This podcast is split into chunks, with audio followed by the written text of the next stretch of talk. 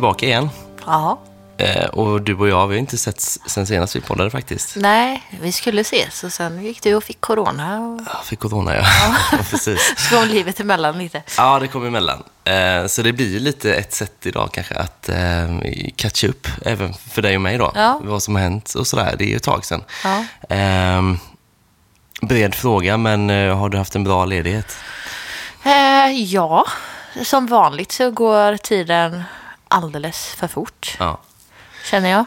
Men det var skönt. Jag var ledig i två och en halv vecka Mhm. över jul och nyår. Så jag hade Mm. ganska långledigt.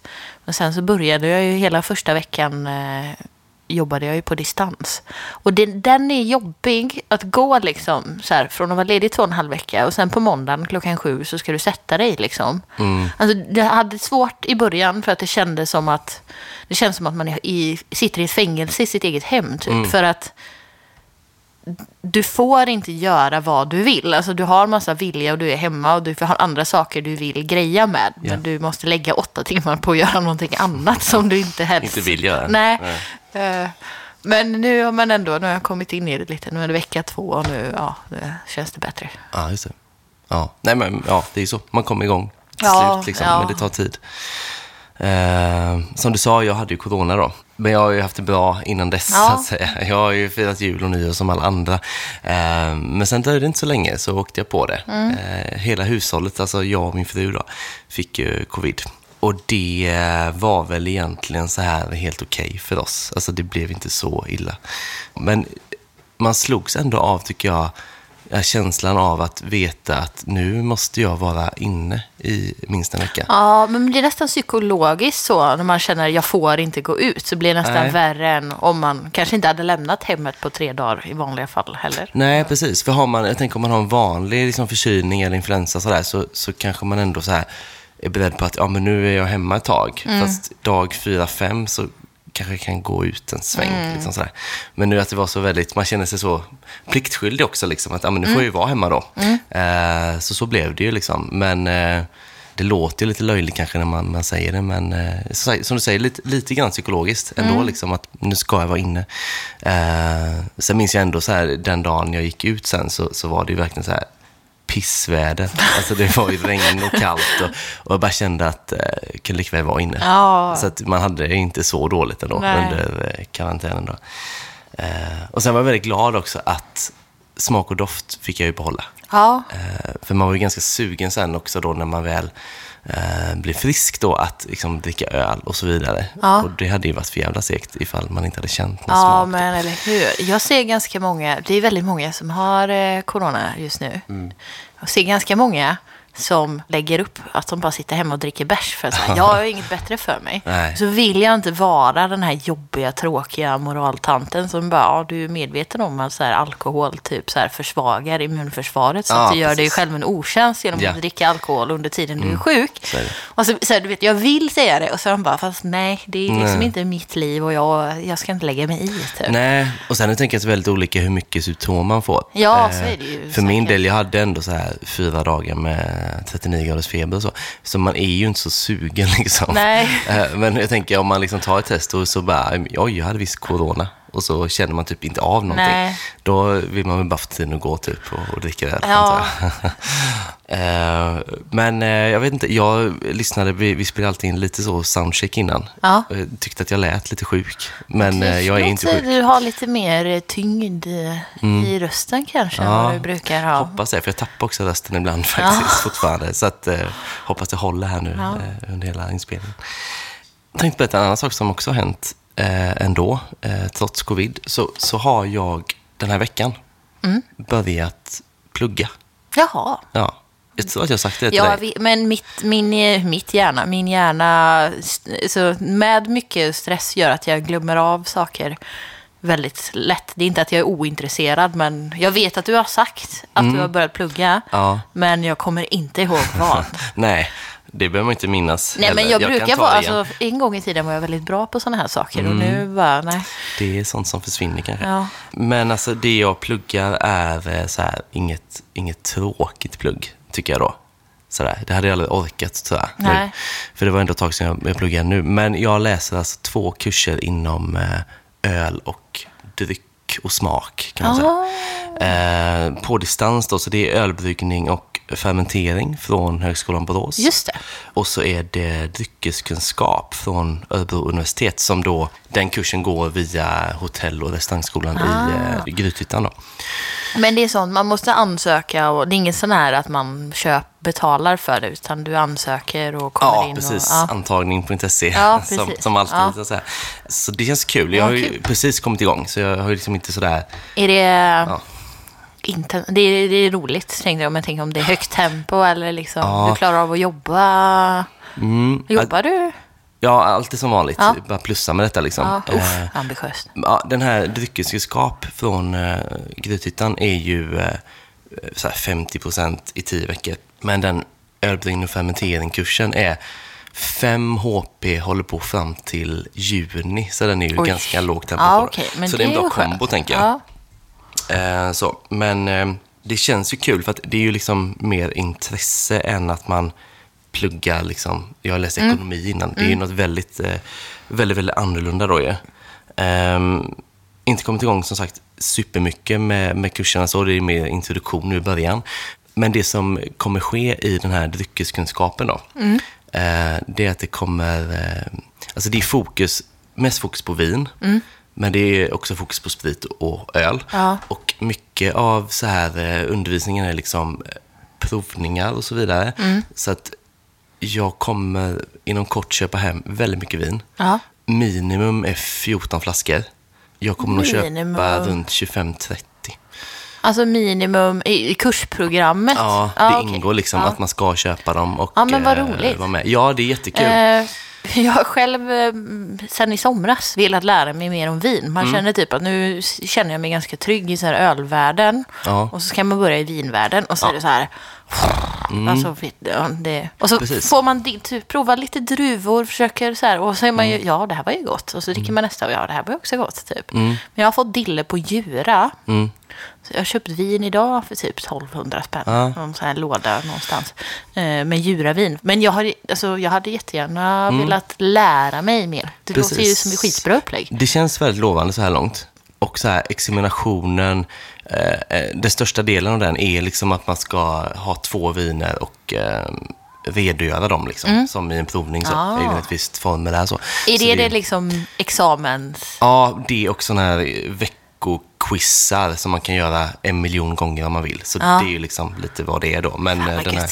Jag är nästan sugen på... Ja, lite så. Ja. Det- Alltså det, det ska bli eh, väldigt kul. Jag tänker, även om det är så här fokus, eh, framförallt, så man har ju nytta av allt inom smak. Alltså det kommer ju hjälpa till inom, alltså det handlar ju om att beskriva och känna igen smaker och så ju. Det har man ju nytta av inom öl också. Det är samma, liksom, Mm. Ja. man gör saker i köket har man ju också nytta Men av. verkligen. Eh, så det ska bli... Eh, det ska bli väldigt spännande. Sen är de ju, alltså, sen är det ju, det är ju Sverige sådär, så att de är väldigt noga med liksom att påtala skolan att eh, det förekommer mycket vin och eh, det ska liksom vara till för att eh, doftas, Jaha, smakas, du ska inte dricka hela flaskan själv. Nej, spottas.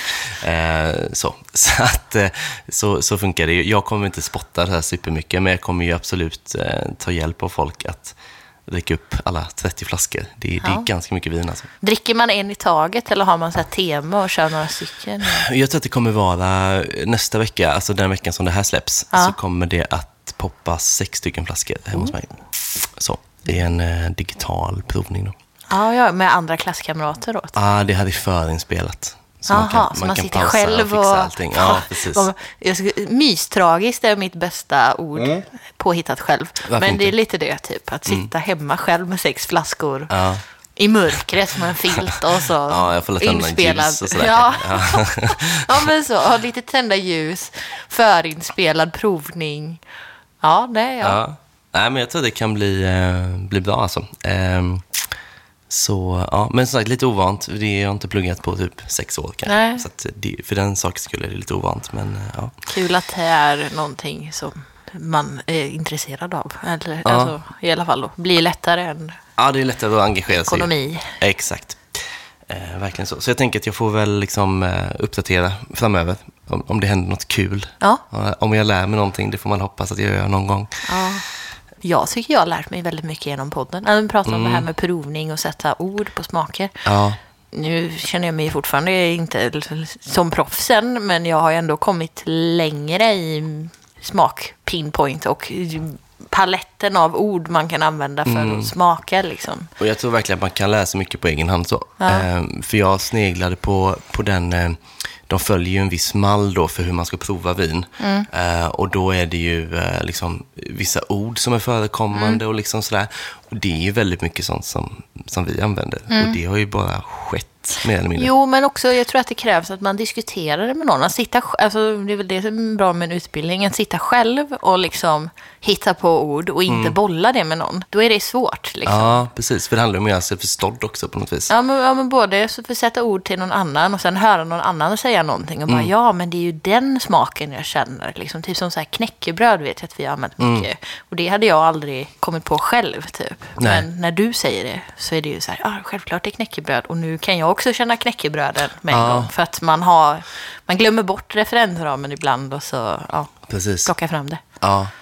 Det kommer ju vara ett öltema också sen i den här kursen då. Du bara kommer glida in och... Ja, jag hoppas ju nästan att jag inte behöver göra så mycket då. Nej. Men de ölen som jag minns att det var, Ja. eh, det var Landsortslager från Nynäshamn. Ja. Det var Indian Tribute från Oppigårds. Kan det vara en dubbel-IPA till och med? Ja, Och sen var det Yeti, säger man va? Eller som en ja, Yeti, ja, Yeti brukar jag säga. Yeti, ja. Och sen tyvärr då, som drog ner lite grann, var ju Staropramen Dark. Okej. Den känns lite missanpassad faktiskt. Ja. Men den var med också. Det var de jag minns, det var nog någon mer. Så det kommer komma öl i kursen också. Och så, ja, det är ju till för att lära sig, så Ja. kanske man ändå absolut. Men ja. Mm. Ja. ja, vi får se var det landar. Um, är det något annat du vill uppdatera på eh, som har hänt dig eller som eh, du vill bara säga? Säga vad du vill. Nej. Nej. Ska vi säga då att man får bli Patreon gärna om man vill det? Ja. Det brukar vi säga. Och och man får ju då, som vi också brukar säga, mer poddmaterial. Man är med i tävlingar, man stöttar podden. Och nu dessutom stöttar man ju en student också. Ja, om man liksom vill ha det på sitt samvete. Så, ja. Ehm, och vi kan ju också säga, vi har ju haft uppehåll nu. Ja. Mm. Eh, lite längre, sådär, sex veckor tror jag att det var. Eh, men att Patreon-avsnitten har ju kommit som vanligt. Mm. Liksom. Och det är ju en fördel man har, tänker jag. Om man saknar Eh, oss. Ja, om man saknar oss. Så varannan vecka så, så kommer det oavsett om det är uppehåll eller inte. Då. Ja. Så det, det kan man liksom vara, vara säker på. Så man går in på patreon.com, patreon.com. Eh, jag blir lite trött på mig själv att jag bok- bokstaverar det. Ja. Men det är att jag själv inte skulle kunna stava till det. Patreon, nej. Ja. Eh, nej, så jag fortsätter med det. Patreon. Patreon kanske. Eh, sök på Folkpodden, tryck på Become Patreon, P-A-T-R-E-O-N. Nej, jag skojar. Eh, och följ stegen där. Eh, så kostar detta då 10 kronor i månaden, eller om man vill höja det beloppet så kan man göra det såklart. Eh, men det dras varje månad. Eh, och sen har vi då våra ekologiska typpåsar av eh, absolut högsta kvalitet. Eh, är du inte Patreon så kostar de 120 kronor styck eller två för 200. Eh, Patreon har ju rabatt så en påse för 80, två påsar för 150. Och eh, löses enklast på eh, Instagram eller Facebook, burkar och flaskor. Du har några kvar eller? Jag är helt Ja, slut. jag har ett skåp. Ja, en hylla skåp. hemma. Ja, precis. Skåpet väldigt mycket, men en del av ett skåp. Där. Ja, ja, men det är bra. Så det, det finns. Sen har vi ju tävlingar ibland för Patreons också. Exakt. Och det får vi nog förnula på någon snart, tänker jag. Eh, Vi har ju också haft Patreon med i ett avsnitt. Så att eh, Mm. Exakt. det, ja, vi in, försöker involvera våra Patreons i allt möjligt. Bra du sa det, för jag ställde frågan. Man kan skicka ut eh, Ja. Eller ja, det kan komma som meddelande, jag vet inte. Men till eh, de som är patrons helt Mm. enkelt. Och eh, ställde frågan i höstas om det var någon som var intresserad av att vara med Mm. i podden. Och det var ju ett gäng som var det. Så det ska vi också kika på framöver. Om vi kan Vi har, vi har faktiskt haft två, tänker jag. Andreas Jäger från Bruski, han är ju Patreon. Ja, det är han också, Han ja. var med. Och sen Precis. Johan, när vi provade lager var det va? Ja, just det. Ja. Mm. Precis. Så, Så där har man en chans att, eh, att få, få höras också. Om man är sugen på det. Om man vill det. Mm. Vill man inte så behöver man inte. Nej, tvingar absolut Nej. ingen. Eh, och nu ska vi göra en historisk grej. vi, ska ta, vi ska börja med temat idag och sen köra spaningen efter det faktiskt. Precis, för att det, det går lite hand i hand. Typ. Mm. Och då är det nästan lättare att ta temat först. Precis, vi ska få det i rätt ordning tänker vi. Ja. Så vi går vidare. Mm. Det har eh, på sistone blossat upp en diskussion inom öl där det verkar finnas lite olika uppfattningar då. Eh, lite motsättningar kanske. Eh, grundar sig i ett franskt förslag som, som innebär att de vill då att öl ska ursprungsmärkas, vilket innebär att ölförpackningar ska märkas med bryggeriets namn och adress. Eh, och i så fall så är väl också tanken att det här ska gälla importerad öl. Eh, vilket ju då påverkar exempelvis svenska bryggerier, även om kanske den, den franska marknaden kanske inte är så där superstor för svenska bryggerier just. Men, men det finns hos vissa i alla fall eh, farhågor om att, att förslaget kommer att sprida sig till andra länder också framöver. Då. Eh, men syftet då med det här förslaget är att motverka situationer där ett öl framstår som lokalt, när då i själva verket eh, egentligen kanske bryggt någon helt annanstans. Mm. Exempel i Sverige skulle kunna vara Mellerud står ju. Mm. Bryggs av Spendrups, eh, inte i Mellerud. Utan i ehm, Grängesberg. Ja, ja. precis. Eh, och förslaget då blir ju också sätt att undvika det som kallas för craft washing. Eh, som då är när, när stora bryggerier har varumärken som framstår som hantverksbryggerier, när det egentligen inte är ett hantverksbryggeri. Mm. Så det blir ju, det förslaget blir i så fall ett sätt att, att värna om hantverket och ursprunget, skulle man kunna säga. Mm. Alltså ganska het potatis senaste tiden. Mm. Vad har du för eh, tankar kring ursprungsmärkningen? Bra, dåligt eller vad tycker du? Alltså jag kan ju inte se att det finns några problem med det överhuvudtaget. Liksom. Och om man pratar inom livsmedelsindustrin så är det ju redan EU-krav, eller det finns ju liksom, i alla fall i Sverige, krav på att saker ska vara ursprungsmärkt mm. eh, inom livsmedel. Och då är det ju också så här, vissa livsmedel så är det ju krav på, alltså typ kött och sånt, är det alltid krav på att det måste märkas med ursprung. Mm. Men en sak som också är ett sånt, alltså kanske både luddigt men väldigt tydligt krav, är att om det finns risk för att konsumenten kan bli vilseledd, mm. så måste det också ursprungsmärkas. Mm. Så att det är ett väldigt sånt ett tydligt exempel på att Mellerud, som inte är producerad i Mellerud, skulle liksom livsmedelsmässigt bara krav på att det skulle vara märkt med ursprungsort för att det inte är tillverkat i Mellerud. Nej, det, för det är missledande för konsumenten som tror att det är gjort i Ja, Mellerud. blir också kanske extra vilseledande eftersom eh, jämför du den Mellerudsölen med liksom en annan makroöl så känns ju, alltså hela Mellerudsetiketten och allting ja. andas ju väldigt mycket så här lokalt hantverk på något vis. Mm. På ett annat sätt, mm. jag tror många uppfattar det så. Ja. Och det blir ju, det är ju liksom en reklamprodukt. Ja men precis. Egentligen. Och då liksom, men också just för att det redan finns i liksom i livsmedelsindustrin som ändå går lite hand i hand med, eller det är ju väldigt nära besläktat med vin och alkohol överlag, så känns det inte alls som att det är så himla långt bort. Nej.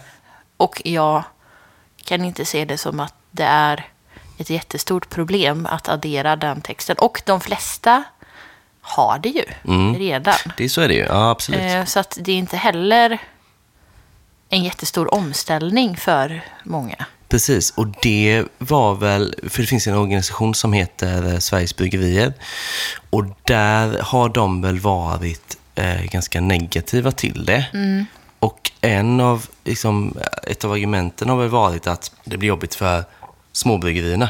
Mm. Att liksom, det blir mycket jobb för dem. Ska de hålla på och lägga till det också? Och, sådär. Mm. Eh, och så har man samtidigt sett just småbryggerier. Jag vet, i Bernius har ju Hyllie, Dugges och eh, Nils Oskar var det, mm. som eh, har uttalat sig och de är ju för mm. märkningen och tycker liksom inte att det är några problem sådär. Mm. Um, så att um, det finns ju liksom en, eh, en konflikt kan man säga mellan olika aktörer inom ja. Sverige i detta. Och För saken är, jag bara säga, saken är inte bara att eh, fransmännen kanske inför detta, utan många småbryggerier verkar ju också vilja att detta ska bli en sak i Sverige. Ja, ja. och det är ju också, alltså, det är ju självklart tänker jag. Eh, men om man ska säga de som är liksom för och emot så är det ju de som argumenterar emot det här främst är ju då den föreningen som heter Sveriges Bryggerier. Mm. Som består av, eh, alltså det är en blandning av bryggerier från Sverige, men i, i den konstellationen så är också alla de här jättarna med. Typ Spendrups, Carlsberg bland annat. Men så finns det även typ Dugges, Electric Nurse. Eh, Så det, det är en blandning av små och stora bryggerier som är med här. Ja. Eh, men det är de som har motsatt sig, uttalat sig negativa till det här med ursprungsmärkning. Och då var det ju just den motiveringen att de tyckte att det var jobb, problematiskt om man ska behöva anpassa sig till alla länders olika regler. Bland annat om Frankrike ville införa det här.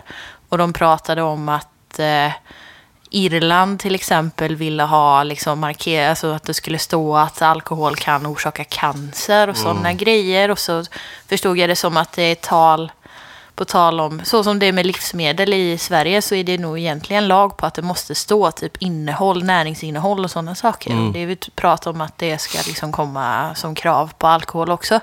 Och då hävdade de att det blir väldigt mycket text på burken. Eh, även om den här texten inte behöver då, en- enligt eh, Systembolagets standardregler så behöver den här texten inte vara större än 1,2 millimeter.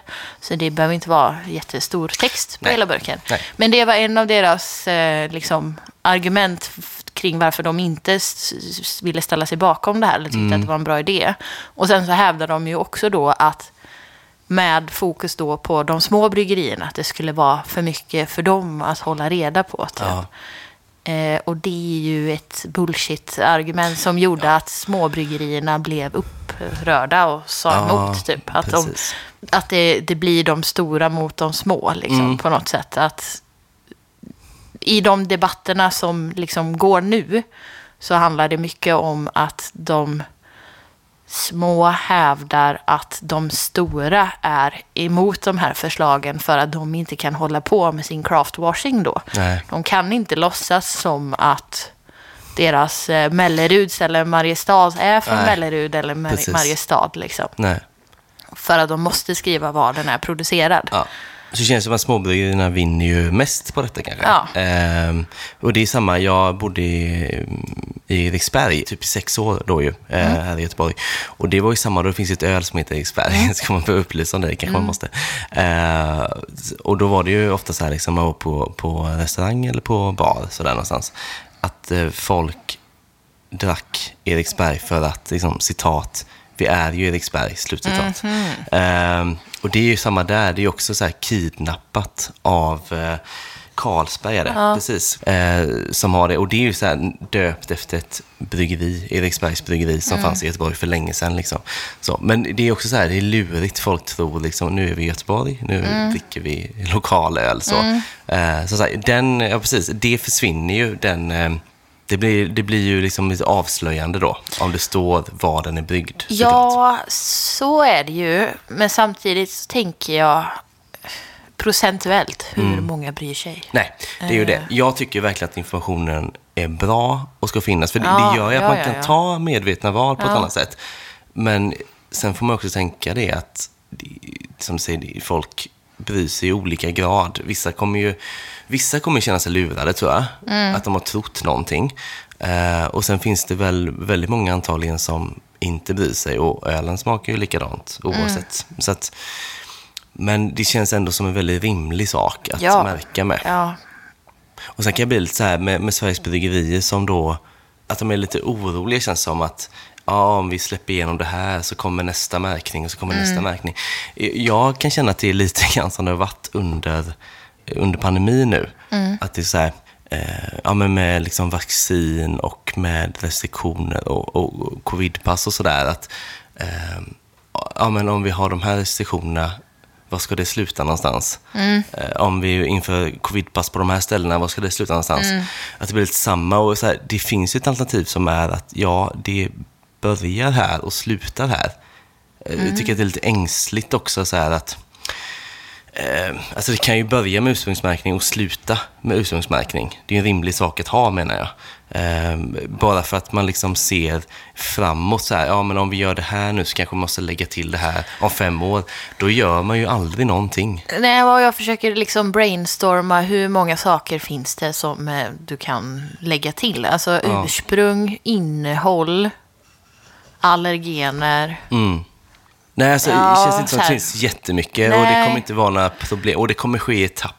Alltså, det är inte så att allt på en gång, utan eh, tiden får ha sin gång som med allt annat. Ja. Så det, det känns som ett konstigt argument för att inte vilja ha detta. Mm, och som sagt, de flesta har det ju redan. Och ett argument de hade var ju också då alltså, att de här små bryggerierna som brygger öl på andra bryggerier, att det blir problematiskt för dem.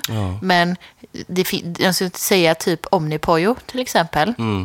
De har ju redan märkt ut vad deras öl är. Alltså på deras alkoholfria så står det ju att de är gjorda i Belgien till exempel. Ja. Och jag tror att, eh, men ta, för, förr i tiden så gjorde ju morgondagens en del öl på Poppels till exempel. Eh, och då tror jag att det var utmärkt, det är jag ganska säker på också. Ja. Och jag läste i Ebenius då, Dugges brygger ju åt andra också. Ja. Och att de har alltid varit väldigt noga med att det ska stå att det är bryggt Ja, på Dugges. så liksom. att det, det är liksom inte ett problem. Sen- det kanske blir ett problem att så här, skriva ut också att även Mariestad är gjord i Grängesberg och inte i Mariestad. Nej. Så mm, att skylla på de små, när man kanske egentligen är mer orolig för sitt eget skinn, mm. blir ju lite... Det är ju lätt att ta den lilla sidan. Alltså, när, när man hör den här historien så är det ju väldigt lätt att se igenom det typ som en bluff. Eller att det Ja. känns lite fegt att skylla på de små när man, istället för att prata om vad man är orolig för själv. Liksom. Ja. Men det känns som en sån extremt liten grej detta. Som egentligen liksom inte är värt att ta någon kamp emot. Eh, Så känner jag Nej. detta. Alltså varför skulle man? För det, det är ju liksom, jag kan verkligen inte se att det skulle vara till ondo. Alltså det är i Nej. så fall för de stora, men jag tror så Men här, jag, de jag flesta kan liksom inte heller se hur det skulle få ett problem. Alltså så här, om, Nej. om de behöver skriva ut att Eriksberg är gjord av Carlsberg i Falkenberg, eller vad det nu är Ja. de tillverkar den. Nej. Eh, det är ingen som skulle sluta köpa Eriksberg för det. Ofta så Nej. dricker man det när man är ute på lokal. Ja, då ser du ändå Nej, inte. då är det fat och så, ja, Ja. gött liksom. Nej, men precis. Det är ju bara också ett... Alltså, jag tänker att ju mer tiden går, desto mer känns det som att det är väldigt trendigt att vara medveten konsument. Och det har vi ju pratat om tidigare med så här Mikeller och etiska... Alltså, att det här med med, göra medvetna val och sånt. Och det, var, det är väl lite det det grundade sig hela det här franska förslaget med. Med den här um, ursprungsmärkningen i att folk blir mer och mer intresserade av dels lokalproducerat men också att veta var, var sakerna kommer ifrån. Ja, men precis. Det är väl en jättetrend. Um, sen är det det här med också med liksom, eh, sidobryggerier som Spendrup exempelvis som har Brutal Brewing. Ehm, passerar ju för många som uh, hantverksbryggeri. Jo, men det är ju också bara en googling bort. typ. Det är en googling bort. Eh, ungefär som att de som är intresserade sätter sig och läser, vrider på flaskan och kan läsa det. Men de som inte bryr sig, Mm. Nej, precis. eh, och majoriteten bryr sig ju inte. Majoriteten bryr sig länge inte. de tycker att det smakar gott. Ja, så, precis. Ja, Men det känns också fair att det står. ja, ja. ja. Eh, för det, det är ju sätt för Spendrup i det här fallet att liksom, kapitalisera och ta andelar på eh, hantverksölsmarknaden. Mm.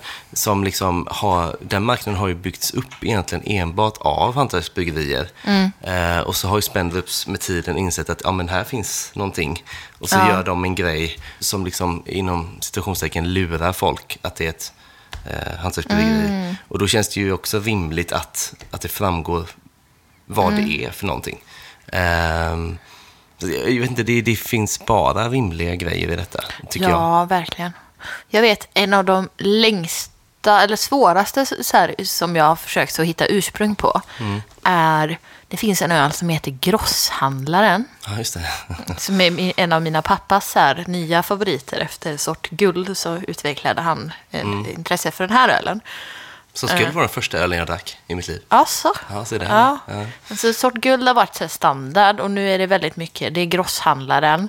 Och så var det någon gång nu i somras som man hade både grosshandlaren och bryggmästaren Mm. hemma liksom.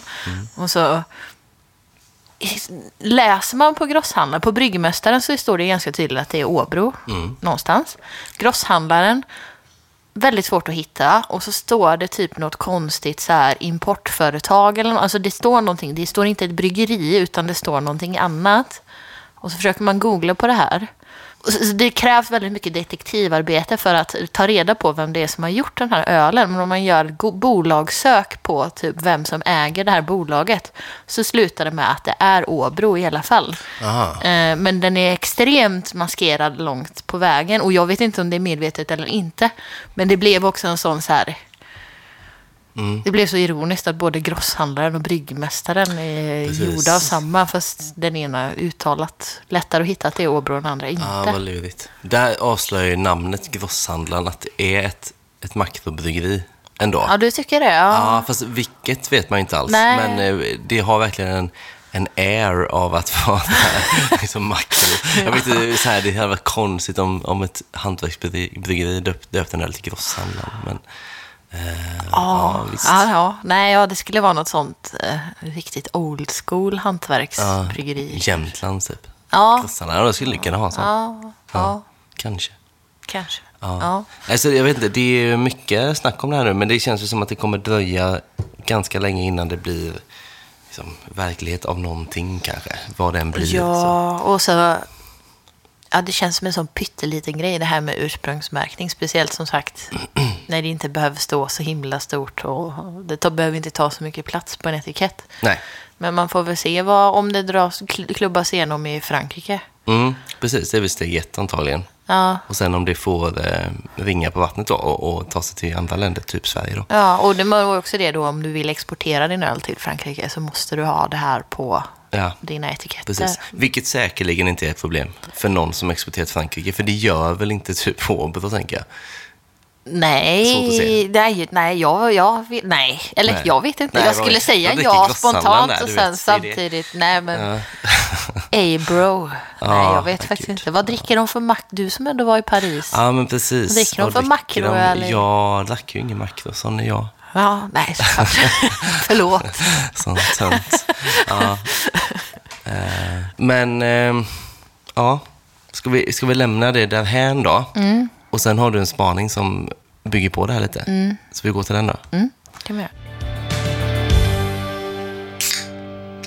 För att koppla an till det vi har pratat om tidigare här nu då med temat och craftwashing och Sveriges bryggerier heter föreningen. Det är alltid svårt att hålla koll på de här, Sveriges bryggerier och Sverige, vad de nu heter alltihop. Mm. Eh, så är det så att i veckan så gick de ut med att eh, Coppersmith eh, har gått ut med att de kommer att lämna den här föreningen, Sveriges Bryggerier.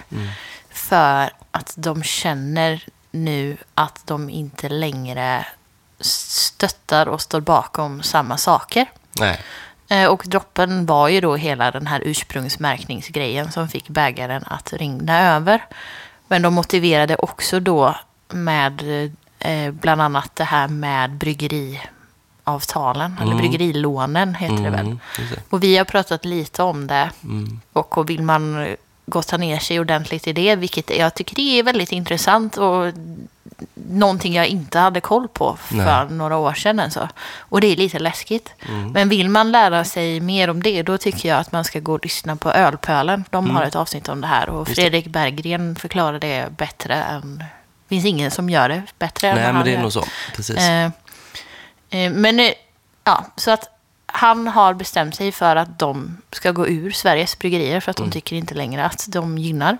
Och då var lite min spaning, funderingen i, eller att det känns lite som en så här kamp mellan David och Goliat. Och Goliat är alla de här stora bryggerierna då, som vad man läser från de små bryggerierna är de som styr och kontrollerar hela den här föreningen Mm. som ska vara för Sveriges bryggerier. Men de kanske egentligen vill kalla sig för Sveriges makrobryggerier för Ja. att det är de som har typ 95 procent av marknaden. Ja. Och de som bestämmer mest vad som ska pushas för i den här i den föreningen.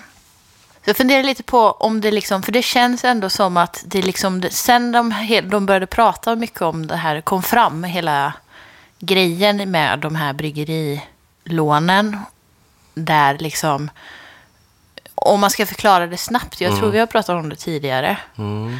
Eh, Men om man ska förklara snabbt så är det så att liksom, de stora bryggerierna kan ge ut lån till eh, om du säger att du har en restaurang och vill liksom starta upp den, så kan bryggerierna ge, ge dig pengar, ett lån, eh, mot att de, eh, för, att hjälpa dig finansiera den här restaurangen, mot att du liksom bara serverar deras öl.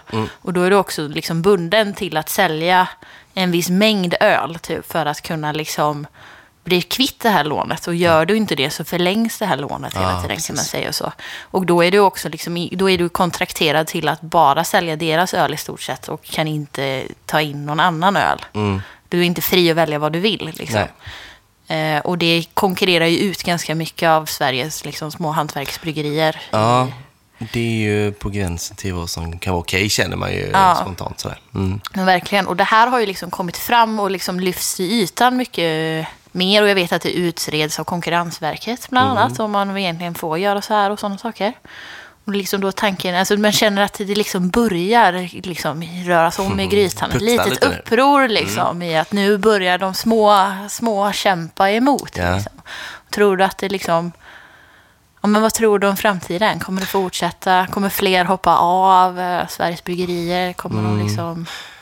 Eh, Ja, alltså, så här, det var uppfriskande tycker jag, att de hoppade av Ja. så snabbt. Det måste jag verkligen säga. uttalar sig Ja. högt om det också. Arg var han också när han sa det i Benius, vet jag. Ehm, så, men, men spontant känns det ju som att det är svårt att samla eh, liksom makro och mikro i en och samma förening. För de har ju olika intressen. Ändå. Alltså den här märkningen som vi snackat om nu. Ja. Där är ändå, ja men det, det är ju mest intresse för mikrobryggerierna. För att de har ju liksom, de har ju det på sin sida. Eh, det är väl kanske inget som makrobryggerierna vill skylta med på samma sätt egentligen. Nej. Och sen sådana här bryggeri, eller eh, kroglån säger man va? Eh, det är ju verkligen något som eh, såklart makrobryggerierna vill ha kvar. Och mikrobryggerierna inte. Så det känns väldigt mycket motsättningar. Så det känns väldigt svårt att ha en organisation som ska tillgodose bådas. Och då blir det väl att de Ja. stora hörs mest och får mest igenom.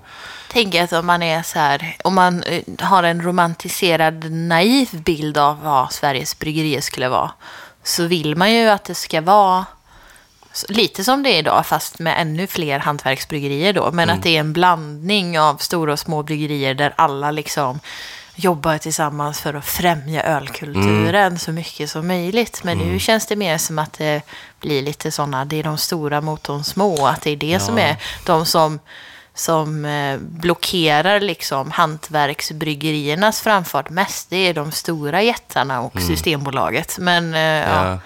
Men det, de, de stora bryggerierna är ju såklart mycket större. Medan de eh, småbryggerierna är betydligt fler ändå ju. Ja. Och det känns ju som att det finns en väldig samverkan och samhörighet mellan Mm. hantverksbryggerier. Så det känns väl som att deras bästa chans att liksom tillsammans kunna få igenom saker och, och liksom Mm. bli hörda, det är väl verkligen att gå samman så många som det bara går egentligen. Och men det gör de, det finns ju då Sveriges oberoende, Ja. heter det? Sveriges oberoende småbryggerier. Och de är typ 130 stycken tyckte jag såg. Det får vi ta med nu på salt, men jag tror det. Vilket ju är så, jag, för jag kände när jag såg det nämligen att det är ganska lite av alla som finns. Vad är det, 400-500 eller? Ja, det kan till och med vara 600. Oj. Eh, men det kanske finns potential att växa där då. Eh, och typ Coppersmiths som gick ur Sveriges bryggerier. Jag hänger med här nu för de heter typ samma. Ja, exakt. De gick ur Sveriges bryggerier men var tydligen inte liksom helt säkra på att de skulle gå med i eh, Sveriges oberoende småbryggerier bara för det. Nej. Utan de, man, man behöver inte vara med någonting så att säga. Nej, Man kan ju nej. vara Om man inte känner att de kämpar för ens sak. Ja, liksom. man måste ju hålla med liksom. Ja. Eh, men det kanske vi ska säga att eh, Sveriges oberoende småbryggerier ska ju, vad det verkar, så, så, så kommer de ju eh, jobba för att få igenom eh, ursprungsmärkningen exempelvis då. Mm. Eh, så att de verkar ju ändå ta i frågorna. Mm. Och det är väl, så det måste ju vara liksom sättet fram för hantverksbryggerier att gå samman och att man finns på väldigt många ställen runt om i Sverige och bra spridning och, och många som uppskattar hantverksöl nu, Ja. ju, även om det procentuellt sett är, är liten försäljning såklart. Och jag hoppas att deras röst som är en är liten, men tillsammans så kommer de höras mycket liksom. Och att, att det, det, de, det hade varit fint om de, ju fler som ansluter sig, mer alla går bakom det, att de faktiskt kan slåss mot de stora. Liksom, I att de kan, deras åsikt kan betyda lika mycket. För nu känns det ju lite som att det är de stora jättarna som fortfarande har mest inflytande. Typ. Ja, precis. Och det, det är väl också så här, jag tror att det här med... Nu var du inne på att det granskas det här med kroglånen. Ehm, det är väl också en sån sak som eh, kanske inte riktigt har belysts innan. Nej. Och det måste ändå ha att göra lite grann, tänker jag, med att hantverksöl har blivit så pass poppis. Liksom. Att det plötsligt finns en motvikt mot eh, de stora eh, och att sånt kommer fram då. Så det, det är väl någon slags sten i rullning då kanske. Sådär.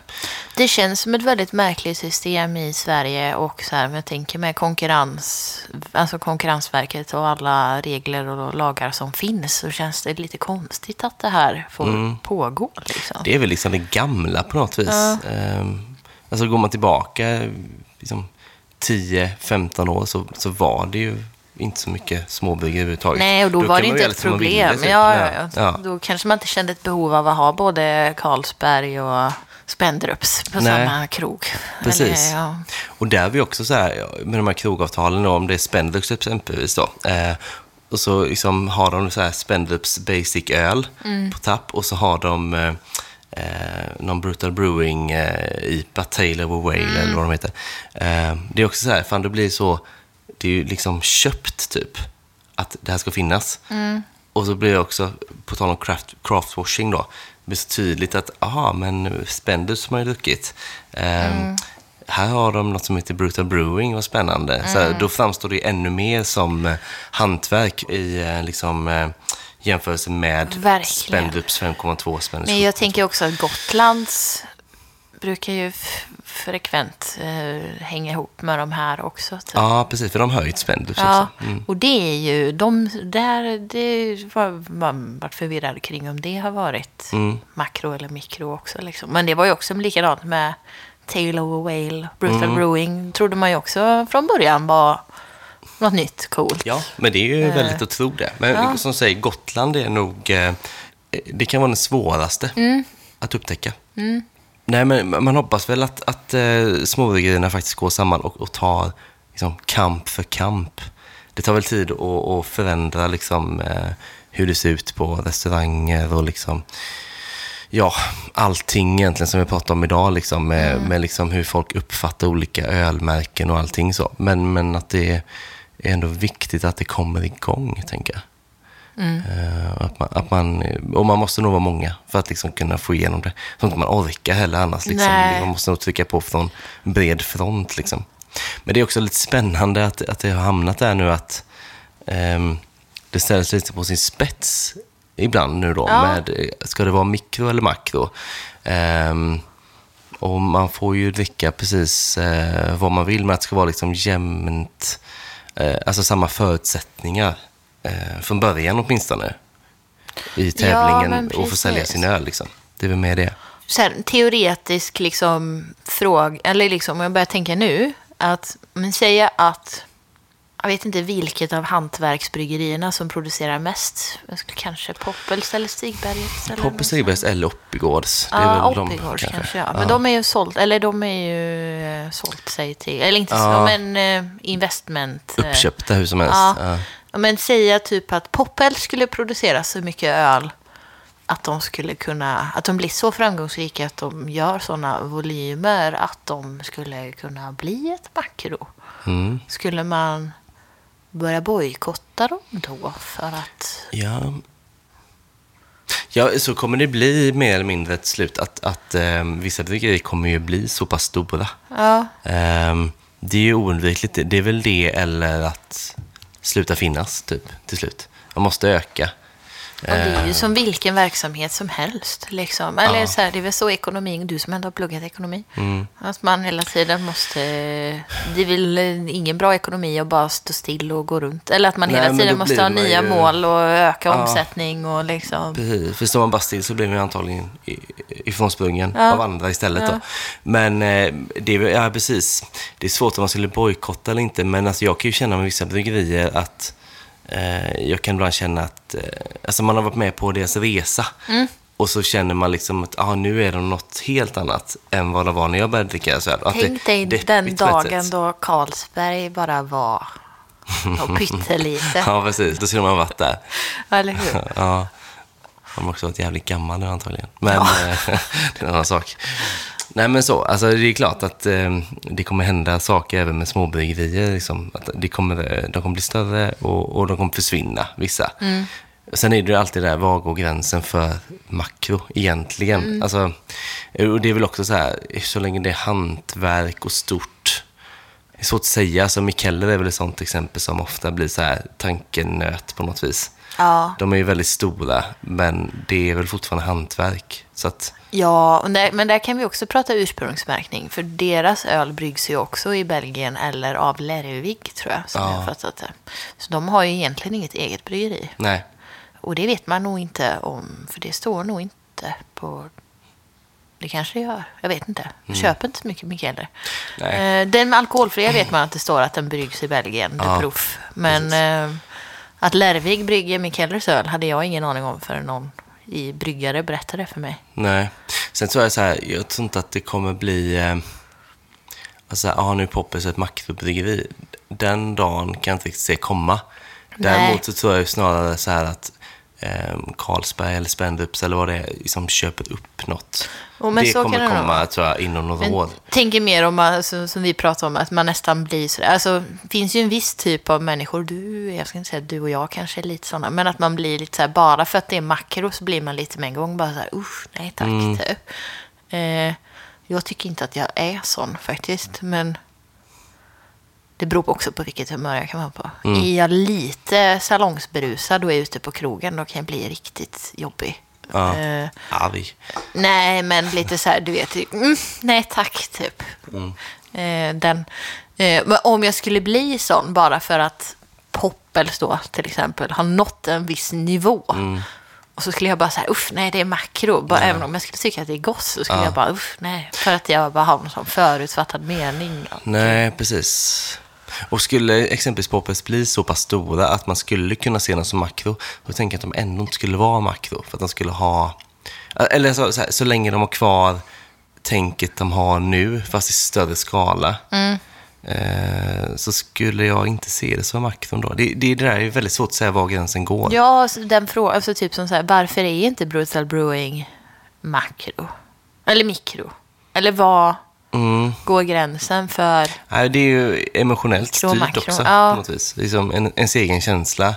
Eh, men där, är- där är väl stora grejen eh, i och för sig att, att de är ändå ägda av Spendrups. Alltså, så enkelt kanske då. Man kan inte skala ner sin verksamhet till mikro, men man kan skala upp sin mikroverksamhet till, Till makro, ja. kanske. Och det där har man inte riktigt koll på för det har inte riktigt hänt än. Nej, Men och också gång. typ att det är inte så. Alltså i USA finns det ju så regler för det. Typ så här, den här volymen, Mm. om du producerar mer än det, då räknas det som ett makro och annars Mm. är det ett mikro. Och de reglerna finns ju inte i Sverige. Liksom. Nej, och det är på gott och ont. För att Ja. det är ju lite tufft att säga så med. Att aha, nu har du sålt så här mycket öl. Alltså, så- det på blir det så här, nu är du så här framgångsrik. Mm. Nu är du makro. Och det var ju de pratade om med gårdsförsäljningen. Det var ju Mm. också du, bryggerier som producerade över en viss... Ja, var det en miljon? Eller vad var Jag det? tror det var 500 000 liter, kan det ha varit det? Nej, det kanske jag hittar på Jag nu. kommer inte ihåg, Nej. men det var ju också många hantverksbryggerier som producerade mer eller låg på gränsen. Och då Mm. kommer ju, ja, så här, för vill man ha gårdsförsäljningen så får du inte öka din produktion mer. Nej. Och hämma din tillväxt på det sättet. Så, Alltså, ska ja. man vara riktigt filosofisk så hand- handlar det väl om bryggeriets själ.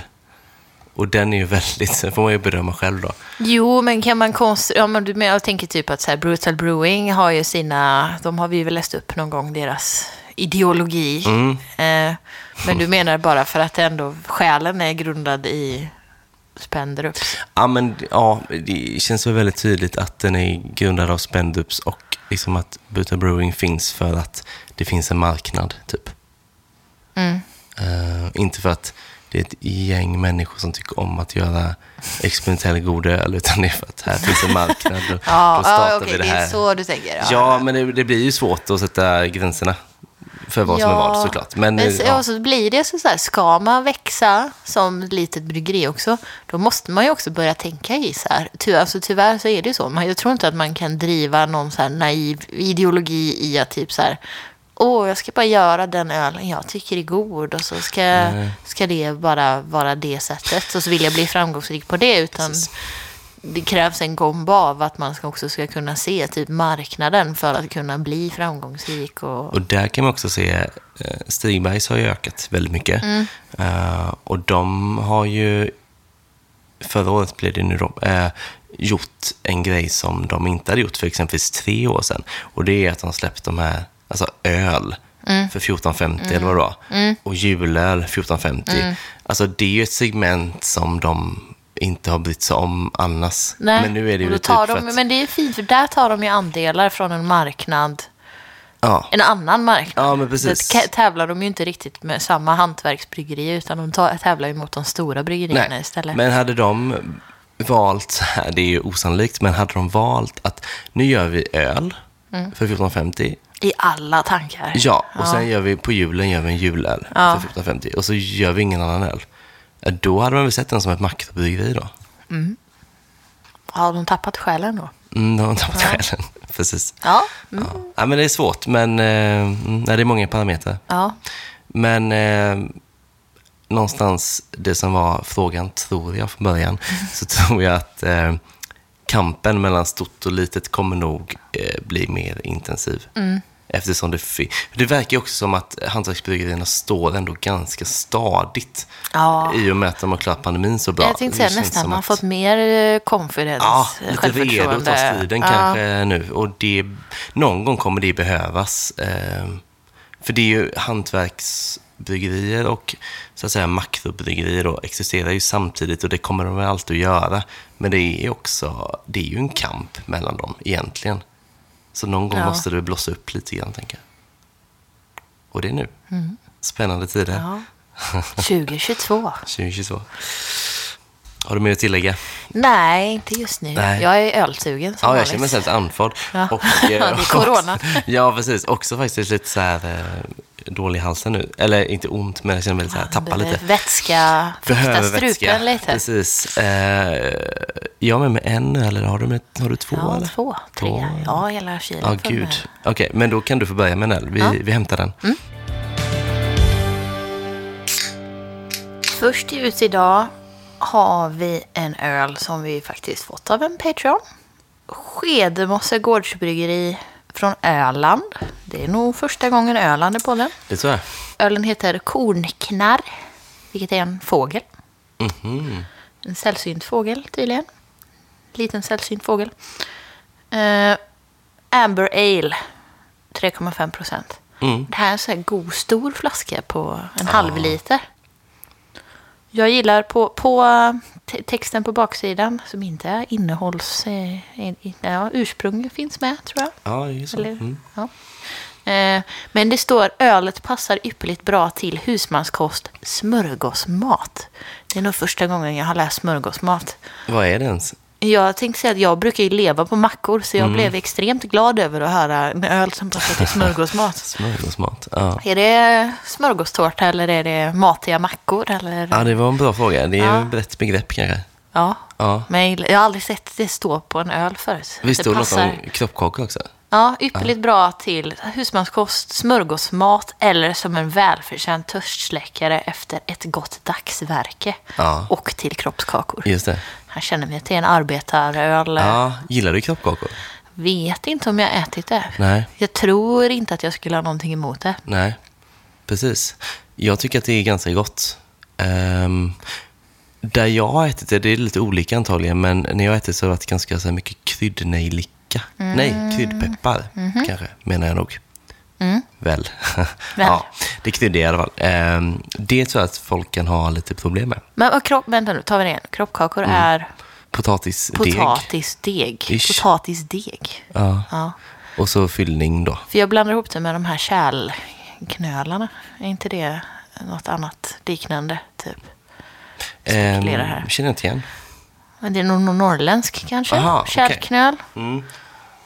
Men potatisdeg? Ja, det var nog antagligen eh, fel sagt. Men det är ju potatis som liksom är, Ja. är runt och så är det ju fyllt i då. Men jag har inte riktigt koll på Nej, och en kärlknöl är bara älgkött tydligen, när man googlar det. Så, så. Jag vet Ja. inte varför jag har fått, men det finns något annat. Okej, ja, Ja. men, nej men jag vet inte om jag har ätit det. Nej, man gör nog inte det om man inte är där just på Öland faktiskt. Nej, det är öländsk. eh, Ja. ja. Känner jag behöver åka till Öland äta kroppkakor. Mina föräldrar har köpt sommarhus på Öland. Jaha, Nu, nu? Ja, Oj, precis. Var eh, på Öland? Högt upp? Färjestaden, ish. Så det är ganska nära, Nära när man kommer över bron, eller? Ja, ja, precis. Eh, Nässjö ligger ju mitt emellan kusterna kan man säga. Så de har inte så långt till Öland. Det är typ två timmar. Ja. Ehm, vi har ju långt härifrån. Ja, Det är ju fyra timmar med tåg och sen ska man till Ah. Öland också från Mm. Kalmar. Ehm, så, nej, men så det. Så jag lär väl hänga där lite grann, tänker jag. gött. Ja, äta kroppkaka och inte dricka skedmosse. avundsjuk. Ja, inte alls. Men okej, vad tror vi? Alltså den ser ju, så här, amber betyder ju att den är bärnsten egentligen. Ja. Jag kände när vi hällde upp den här, eller så, att den är lite ljusare vad jag tänkte mig. Ja, men ändå inom bärnstensspektrat för Ja, mig. den går nog- Din ser lite mer hazy ut än vad min gör, men det kanske bara är härifrån. Och att jag sitter Ja. närmare en lampa. Kan vara det. Och sen tog jag ju lite mer från, inte botten, men ändå längre ner i Ja, det. flaskan. Om det spelar roll kanske. Det luktar lite så här honungssött, tycker jag. Mm, det tycker jag. Och sen att man känner ändå, tycker jag, på doften att det finns eh, lite så beska i den också. Ja. Det luktar lite fränt på något vis. Eh, Så, vi kan väl smaka.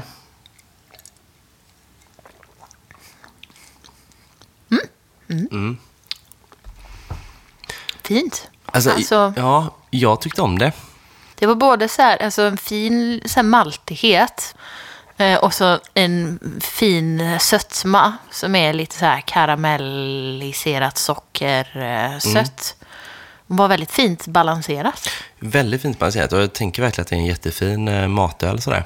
Mm. Ehm, jag sa det innan vi eh, började spela in igen här att jag har druckit lite folköl från Öland för några år sedan. Mm. Och jag, jag upplever som att för några år sedan så, så var det mer så här, man kunde ju verkligen ha skillnad mellan mer etablerade hantverksbryggerier och lite nyare hantverksbryggerier i liksom kvaliteten. Man visste liksom kanske inte riktigt, för jag upplevde det så när jag drack, jag vet inte om det var Skede Mosse eller om det var från eh, Kackelbacken, tror jag finns också på Öland och säkert något mer. Eh, men att det var någon öl jag kände så här liksom att det här är liksom lite låg kvalitet på. Ehm, men det känns som att det där har liksom kommit i fatt nu. Mm. Bryggerier har funnits lite längre tid och sådär. Eh, så att det är inte en faktor på samma sätt längre. Och det här tyckte jag var jättegott. Ja, det Alltså var verkligen balanserat, super. gott. Ja. Och um, Amber Ale som begrepp. Jag vet inte hur mycket Amber Ale folk dricker. Nej, Ehm, men ehm, det är ju liksom, det här är ju verkligen en, en ale med ganska mycket um, beska och liksom här uh, bärnstenssmaken. Ja, på så här men karamelligt. karamelligt. Ja, Ja. precis. Ehm, så det är väl vad det lovar. var riktigt fint. Väldigt Ja. bra matöl kan jag tänka mig. Faktiskt. Sån husmanskostöl, Mm. verkligen. Och smörgåsmat. Ja, och faktiskt skulle jag säga att jag hade inte varit förvånad om den här var lite starkare egentligen. Nej, Så nej. Det avslöjar inte procenten på något vis. Också gott att dricka ganska stora klunkar av det här känner Mm. jag. Så det var bra att det också är en stor flaska. Positiv överraskning. Verkligen. Mm. Vad vill du sätta för betyg? Alltså jag tänker nog säga 4,25 faktiskt. Ja, jag är där också. Mm. Spontant. Väldigt gott. Sen kan jag inte säga så här, varför vill jag inte, varför, vad är det jag saknar? Eller jag kan inte säga att jag saknar någonting heller riktigt. Jag skulle kunna sätta högre Mm. också. Ja, Eh, Men jag kanske också har för lite referensramar kring Amber Ale för att våga sätta typ en femma än så länge. Alltså jag kan känna lite så här att det är väldigt gott. Sen skulle jag vara lite spänd på att veta hur hade den här smakat med lite mer eh, lite mer humlefräschör. Kanske någon sån liten citruston i sådär. Som fräschar upp den lite. Eh, eventuellt att det hade blivit ännu godare då, men det är ju inget jag saknar egentligen. Men ehm, ja, det är väl mer så jag tänker i så fall, att det skulle kunnat lyfts av en sån grej då. Ehm, men ja, ja, nej, 425 för mig, det, det är liksom högt och bra. Jättebra. Liksom. Det var positiv överraskning. Bra, bra start här. Verkligen bra. 2022. Första, första ölen 2022, precis. Men vi sa samma betyg då. Mm. Vi smuttar på den här lite till och sen så vi går vidare. Mm. Jag har ju med mig en öl idag som jag har saknat faktiskt en längre tid. Eh, det är, med reservation för uttalet, Biologere, har du sagt så också? Bioleger. Kanske så faktiskt. Eh, från eh, DuPont. Så belgisk 3,5 i en eh, 25 centiliters flaska, alltså hälften av den förra ölen. Ja, jag älskar det här formatet nästan mer än vad jag gillar 50. Men det är ju verkligen en kopia nästan av den. Nej, nej den är lite mer slimmad i Ja, längre hals. Men eh, så jävla gulligt eh, format. ja, och det ger ju en känsla av lite eh, lyx på något vis. Ja. Eller Så här, liksom Lite exklusivt så. Ja, jag tycker också om det mycket. Också typ så här vardagslyx. Mm. Typ att det är så här, oh den är liten så jag kan unna mig den. Ta en galopp hemma Ja. nästan så. Ja, visst. Ehm, den här ölen sålde vi på Fölk nämligen ett tag. Ehm, men det var precis i början, för sen, då fanns det på Brill. Jag misstänker att det är Brill även nu. Men vi beställde den typ två gånger, sen fanns den inte mer. Så jag har inte sett den förrän nu faktiskt. Nej. Så det känns väldigt kul att den är tillbaka. Den här är köpt på ICA Karl Johansgatan. Eh, Så jag tänker liksom att välsorterade ICA-butiker, eh, där är nog störst chans att hitta den då. Också kul när vi hade den i butiken så eh, på premiärdagen så, så var det en hel del eh, bryggare som var och kollade in folk och drack öl. Och då var det här då en öl som väldigt många bryggare tyckte var fantastisk. Det kan jag tänka mig. Ja. Brasserie DuPont är ju ändå ganska väl respekterat bryggeri. Yes, precis. Lite som att bryggare gillar pilsner ofta. Mm, Så, såna är de. Ja. ja, så att... eh, så, så ja, det här är ett kärt återseende helt enkelt. Det är alltså en saison, sa du va? Ja, exakt. Har du... Du har inte testat innan sa du innan va? Nej, jag har druckit starköls. Jag tror jag har druckit DuPonts saison starkölsvarianten. Men Mm. det var också ett tag sedan. Ja. Eh, men nej, jag har inte känt... Jag, nu låter jag sådär hård, men att etiketten hade ju gjort att jag inte hade liksom... Jag hade trott att det här var makro, så hade jag bara nej, tråkigt. Och så gått förbi den typ. Den angränsar ju till det när man ser Ja. den så. Eh, absolut. Den ser ju liksom... Eh, den har ju någon typ av anrikt skimmer över sig. Men det är svårt, liksom vilken sida eh, spektrat är, hantverk eh, eller Ja. makron hamnar. Det, det kan vara svårt att avgöra så med ögat bara. Eh, jag tänkte på det, vi har, alltså det är ju så här, inte jättevanligt med saison som, eh, som folköl, men vi har ändå testat ett gäng nu Väldigt kände jag. bra saison alltihop. Ja, Ja. jag tycker verkligen det. Vad tycker du om färgen på den här då? Den är ganska gul, lätt grumlig. Ja, som jag förväntar mig typ. Kanske lite varmare gul än vad jag saison kanske. Fast nej, jag vet inte. Ja, ungefär. Men den luktar här gröna ärtor och örter typ. Mm. Örtigt, Jätte, ja. ja. Mm. Verkligen.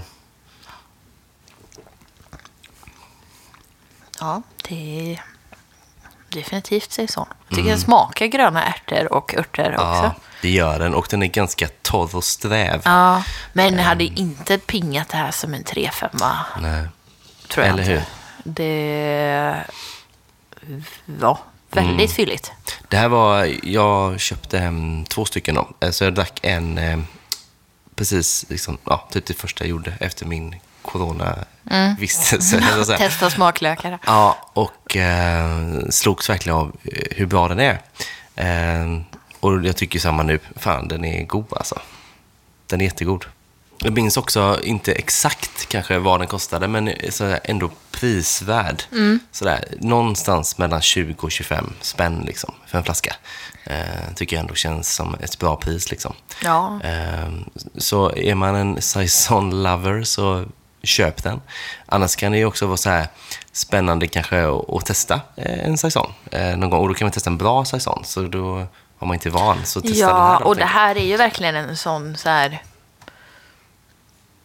Alla som älskar saison Mm. älskar Brasserie DuPont. Ja, Så att det är en sån, om man vill lära sig saison så är Mm. det här en jättebra öl för att skulle säga det. Och egentligen... förstå den renodlade saisonsmaken. Liksom. Ja, och egentligen är det en ganska lättdrucken öl på många sätt. Mm. Sen har den ju det här liksom, det, det örtiga och sådär som ändå ger mycket karaktär och som man kanske kan tycka är lite svårt eventuellt då.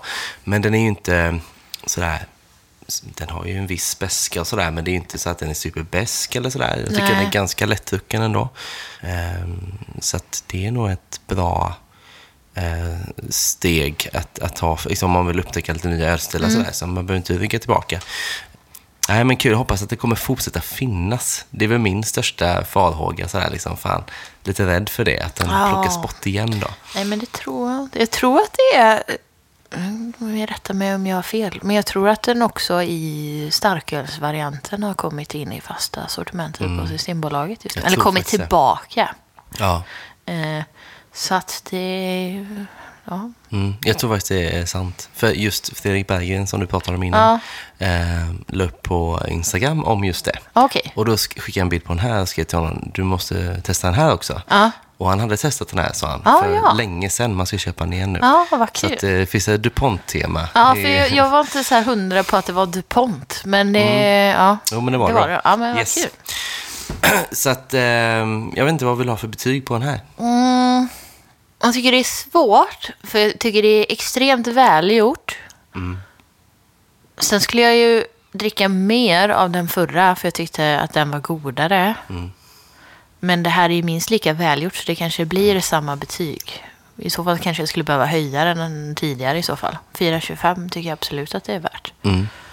För det är jättebra. Liksom. Sen är det inte riktigt min...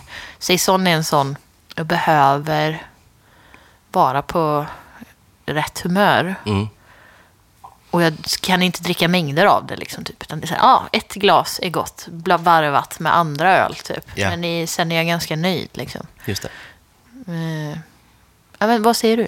Alltså jag... Eh, jag kommer sätta faktiskt 4,75. Ja, Eh, just för att jag känner så här liksom...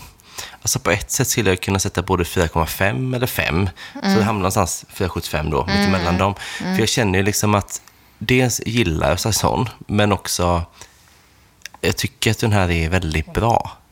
Eh, Det är ju egentligen inget stort som jag saknar i den. Liksom, sådär, så att, ehm, nej, jag, jag tycker det är jättebra. Så 4,75 kommer det bli.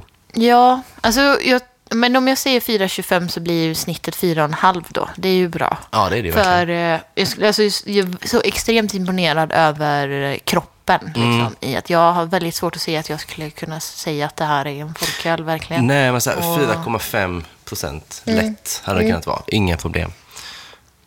Så, och så... Ja, men jag säger 4,25 så är jag samma. Jättebra. Då har vi höga förväntningar på den tredje och sista ölen då. Ja, just det. Den måste ju bräcka allting. Det Eller? kan ju, ja. Ja. Och hej, hej vilt. Ja, vi hämtar den.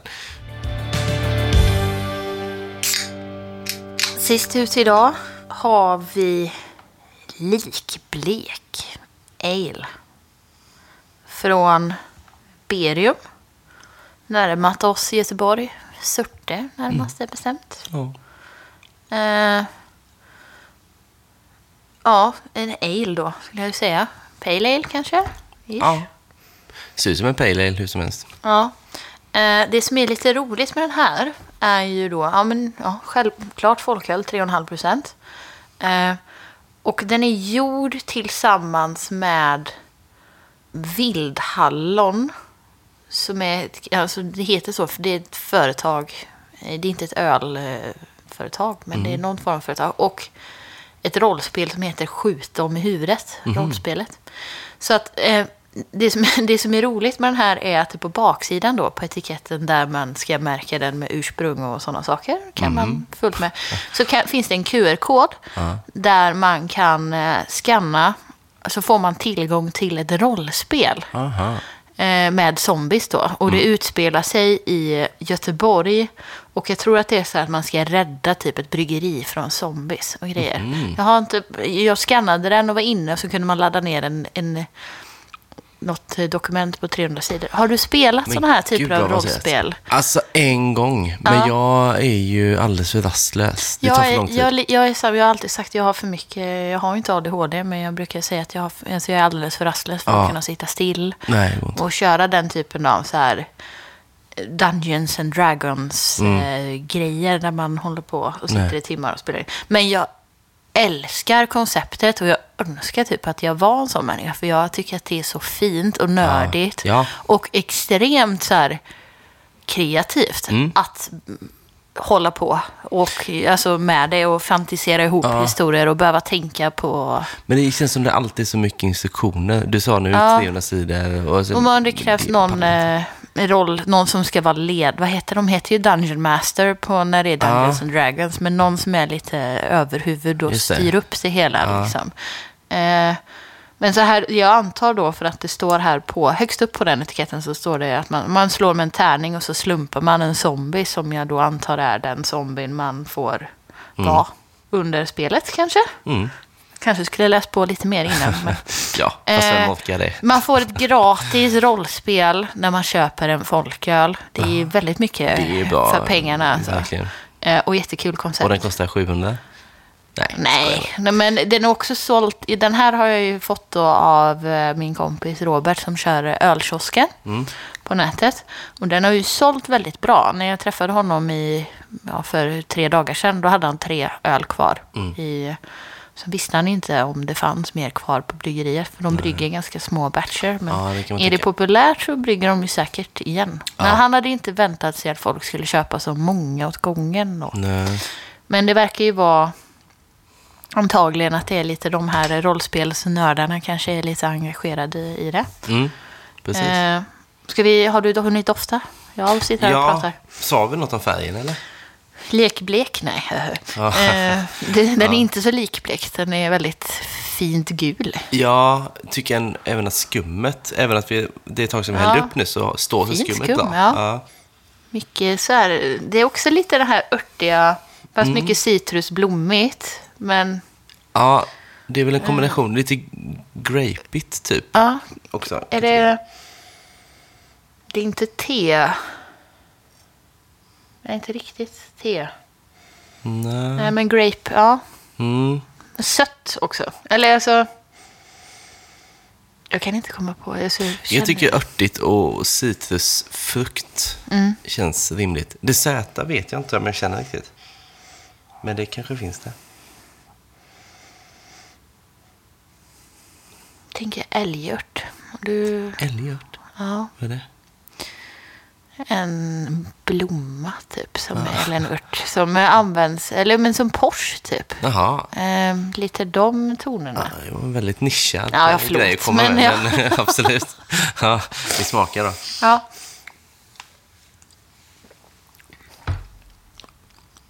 Mm. Torr. Mm. Citrus. Ja.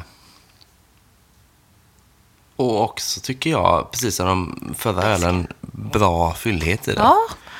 För jag har blivit lite mer sådär att eh, jag kanske tycker mer tydligt numera än för typ ett år sedan att eh, mer humledriven folköl, som väl det här får räknas som, eh, att det har liksom det kanske lite nackdel i att det kan upplevas mindre fylligt än eh, exempelvis de två andra sorter vi har testat här nu. Eh, och att det ibland blir problem. Tycker inte att det var ett problem Nej. i den här faktiskt. Så det var ett bra betyg. Jag tänker mig att det är ett ganska bra... eh, om man vill kan dricka många av dem typ. eh, under lång tid. Som jag antar att det brukar ta ett tag att sitta och spela sådana här rollspel. Det typ. tänker jag verkligen. Det är ju en öl som är, eh, alltså, man märker att det är ganska mycket humle så, men det är liksom inget som sticker iväg. Det är en ganska bra enhet egentligen. Med beska och, och eh, liksom lite mer fruktighet från humlen och sådär. Eh, och så är den ganska torr då. Så jag tycker att det är en eh, ja, bra enhet som Mm. öl. Liksom. Och det är väl oftast en bra öl i min bok i alla fall. Ja. ja, men jag tyckte det var jättebra. Jag hade förväntat mig lite mer så här gästighet, typ. Kanske mer åt säsonghållet, fast inte hela vägen, men någonstans däremellan. Och då har jag lite så svårt för. Men detta tyckte jag var väldigt fräscht. Typ. Och så fin beska som kommer och rundar av det också. Precis. Um, ska inte säga betyget riktigt än kanske, men eh, känslan är ju, vi har varit inne på det en gång innan, att vi sätter högre betyg nu än i början av podden. Och då är frågan, har folket blivit bättre eller har vi blivit snällare? Jag är ganska säker på att folk har blivit bättre. Jag, jag tänkte säga att jag tror också att det har blivit... Ja, det är säkert en kombination av båda. Ja, Men jag tycker faktiskt att det har blivit bättre. För vi utgår ju fortfarande också, typ, eller jag tror att vi, alltså ju mer vi provar, desto mer har vi referenser inom folköl. Men man tänker ju också typ fortfarande, i början jämförde vi ju mycket mot starköl, även om vi sa att vi inte gjorde det, så hade man ju liksom inte, visst man har ju druckit folköl innan, men man tvingas inte sätta betyg på dem och då börjar man inte, alltså ju, mer man börjar jämföra och sätta betyg, desto mm, mer eh, sätter man dem i förhållande till varandra aktivt. Liksom. precis. Och idag är det ju tre öl. En är ju liksom en, en skicklig belgisk ölbryggeri. Ehm, och sen är det ju liksom två bryggerier som är små. Verkligen.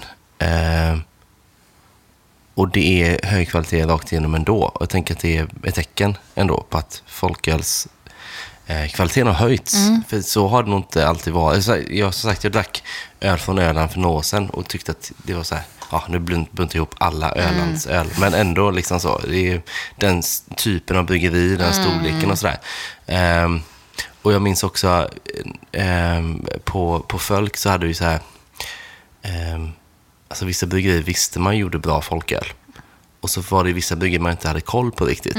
Och då var det mycket så här varuprovsgrejen liksom. Testa och se om man vill ta in.